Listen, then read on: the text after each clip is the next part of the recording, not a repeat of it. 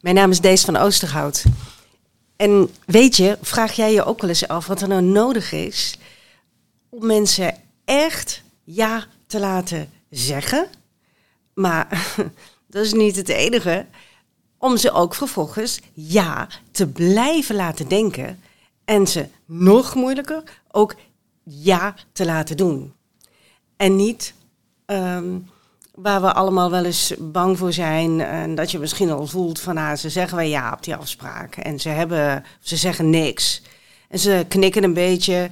En dat je al voelt, hmm, als ze straks op de wc zitten of mogelijk uh, al de, de, de klink in handen hebben, dan zou het zomaar kunnen zijn dat ze nee denken. Of denken van, weet je wat, ik bel wel even met mijn uh, collega of met mijn afdelingsmanager en dan rekenen we het wel dat het anders wordt. Nou, dat, dat is dus precies killing. En heel vaak hebben we dat contact nog met elkaar. Dat we bij elkaar zitten en zeggen van, nou, ja, ja, ja, ja, en dat we nee gaan doen. Nou, um, uit onderzoek en uit uh, jarenlange ervaring heb ik, wil ik toch heel graag met je een paar tips delen. Van wat moet, ik, wat moet er nou gebeuren? Wil de kans in ieder geval stukken groter zijn dat mensen dat commitment wat ze misschien uh, echt afgeven, ook echt houden. Zodat je door kan met je project, met je proces, whatever waar je mee bezig bent, met de opgave waar je mee bezig bent. Kijk, en weet je, commitment creëren, dat is echt een vak. En er zijn echt stappen nodig voordat je daarvan uit kan gaan. En dat is voor jou als projectleider of als procesregisseur of als uh, teamleider, of product owner, regieverpleegkundige, maakt het uit.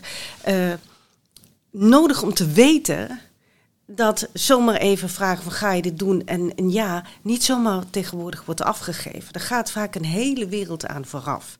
Dus nou, kijk, dus wees je bewust wat er soms nodig is van tevoren om uh, dat ja ook een ja te laten zijn.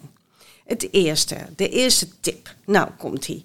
Weet je, vaak hebben we beelden van elkaar. Dus je zit in een vergadering of je begint en weet dan dat er onderhuids vaak beelden zijn gegroeid van elkaar. Dat heb jij misschien ook wel. Van, ah, daar komt die van uh, uh, die organisatie en nou, dat uh, zal wel weer lang gaan duren. Of, oh, die hebben we net een kunstje geflikt. Of, oh, die, nee, dat is leuk. Dat gaat, dat, dat, daar gaan we snel werken.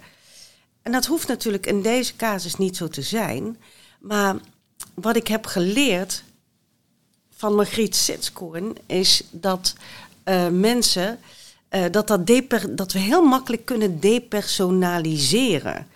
Um, doordat ik dat beeld heb, kan ik heel makkelijk denken van, oh ja, met die, met die eikel van, uh, van de boomclub. Nou, um, op het moment dat ik zo kan denken, is het voor mij ook veel makkelijker om tegen die figuur ja te zeggen.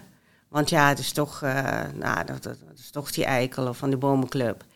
En vervolgens nee te gaan doen. Dat komt omdat ik hersentechnisch dan depersonaliseer.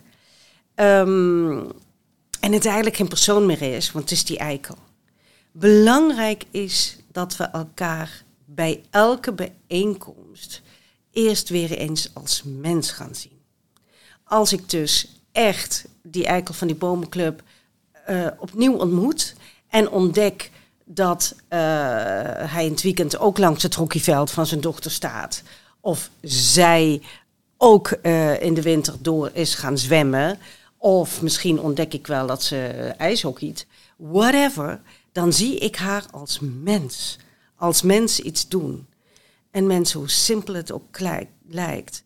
Maar dat als je dat niet eerst in een bijeenkomst voor elkaar krijgt, dan is de kans heel groot dat we uit contact blijven. En dat ik heel makkelijk in dat oude beeld kan blijven. En dat het voor mij ook heel makkelijk is om uh, ja, heel netjes te blijven doen, hè?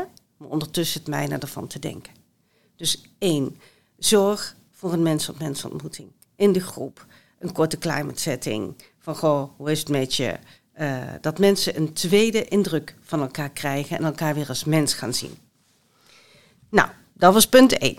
Tweede, dan is belangrijk niet zozeer dat we alle standpunten gaan verzamelen, maar vervolgens kun je ook zorgen. En dat is essentieel.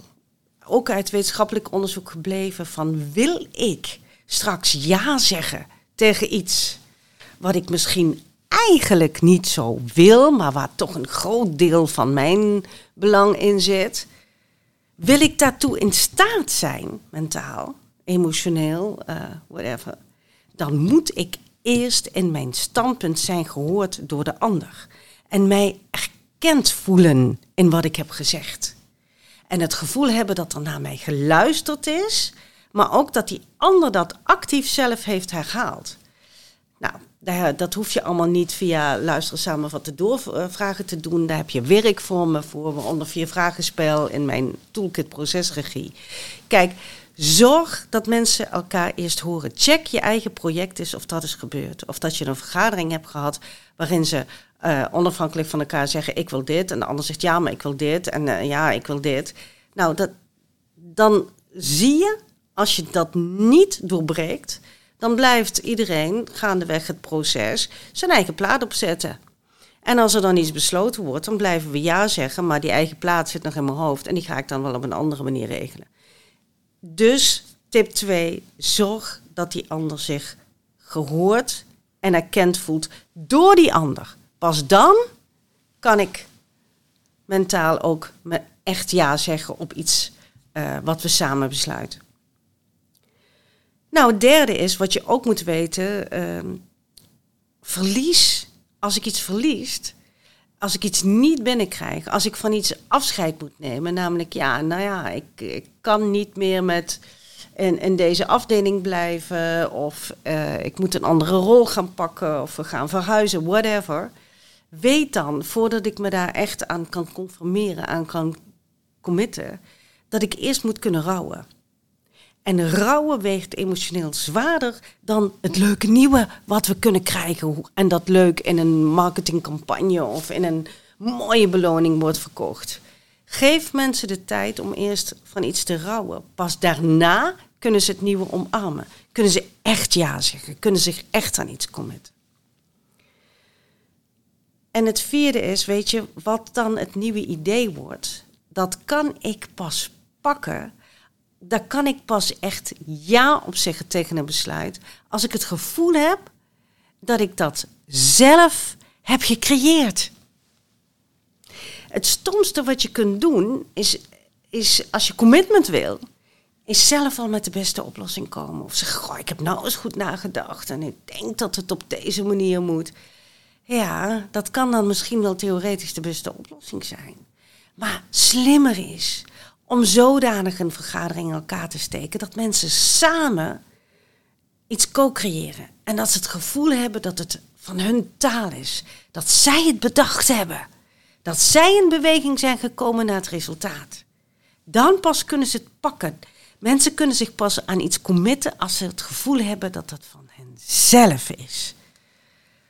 Dus dat zegt iets over je opbouw van je vergadering en de manier waarop je gaat vergaderen.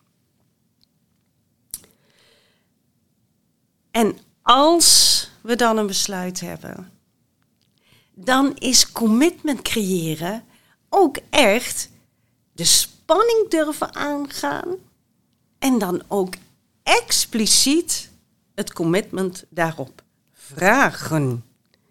Dus ik ken je wel die vergaderingen dat je, dat je merkt dat mensen ehm, ehm, vragen van ja, ik vraag vertrouwelijkheid. En uh, nou, voordat ze dan vertrouwelijkheid vragen, uh, of ja, ik ga ervan uit dat we allemaal deze afspraak uh, uitvoeren.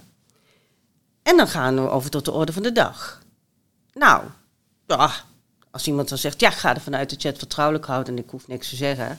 Of uh, ik ga ervan uit dat jij die afspraak nakomt en ik hoef niet te zeggen. Ah, dan kan ik makkelijk daarna denken, ja, ja, dat hebben we zo wel gezegd. Maar ja, nou, zo'n zo punt heeft ze er ook niet van gemaakt. Als ik wil dat mensen echt uiteindelijk hun commitment geven, dan maak ik dat ook per persoon heel expliciet tijdens de bijeenkomst of de vergadering. En dan gebruik ik de alom bekende metafoor van uh, het Engels ontbijt. eh, van eh, de kip en het varken.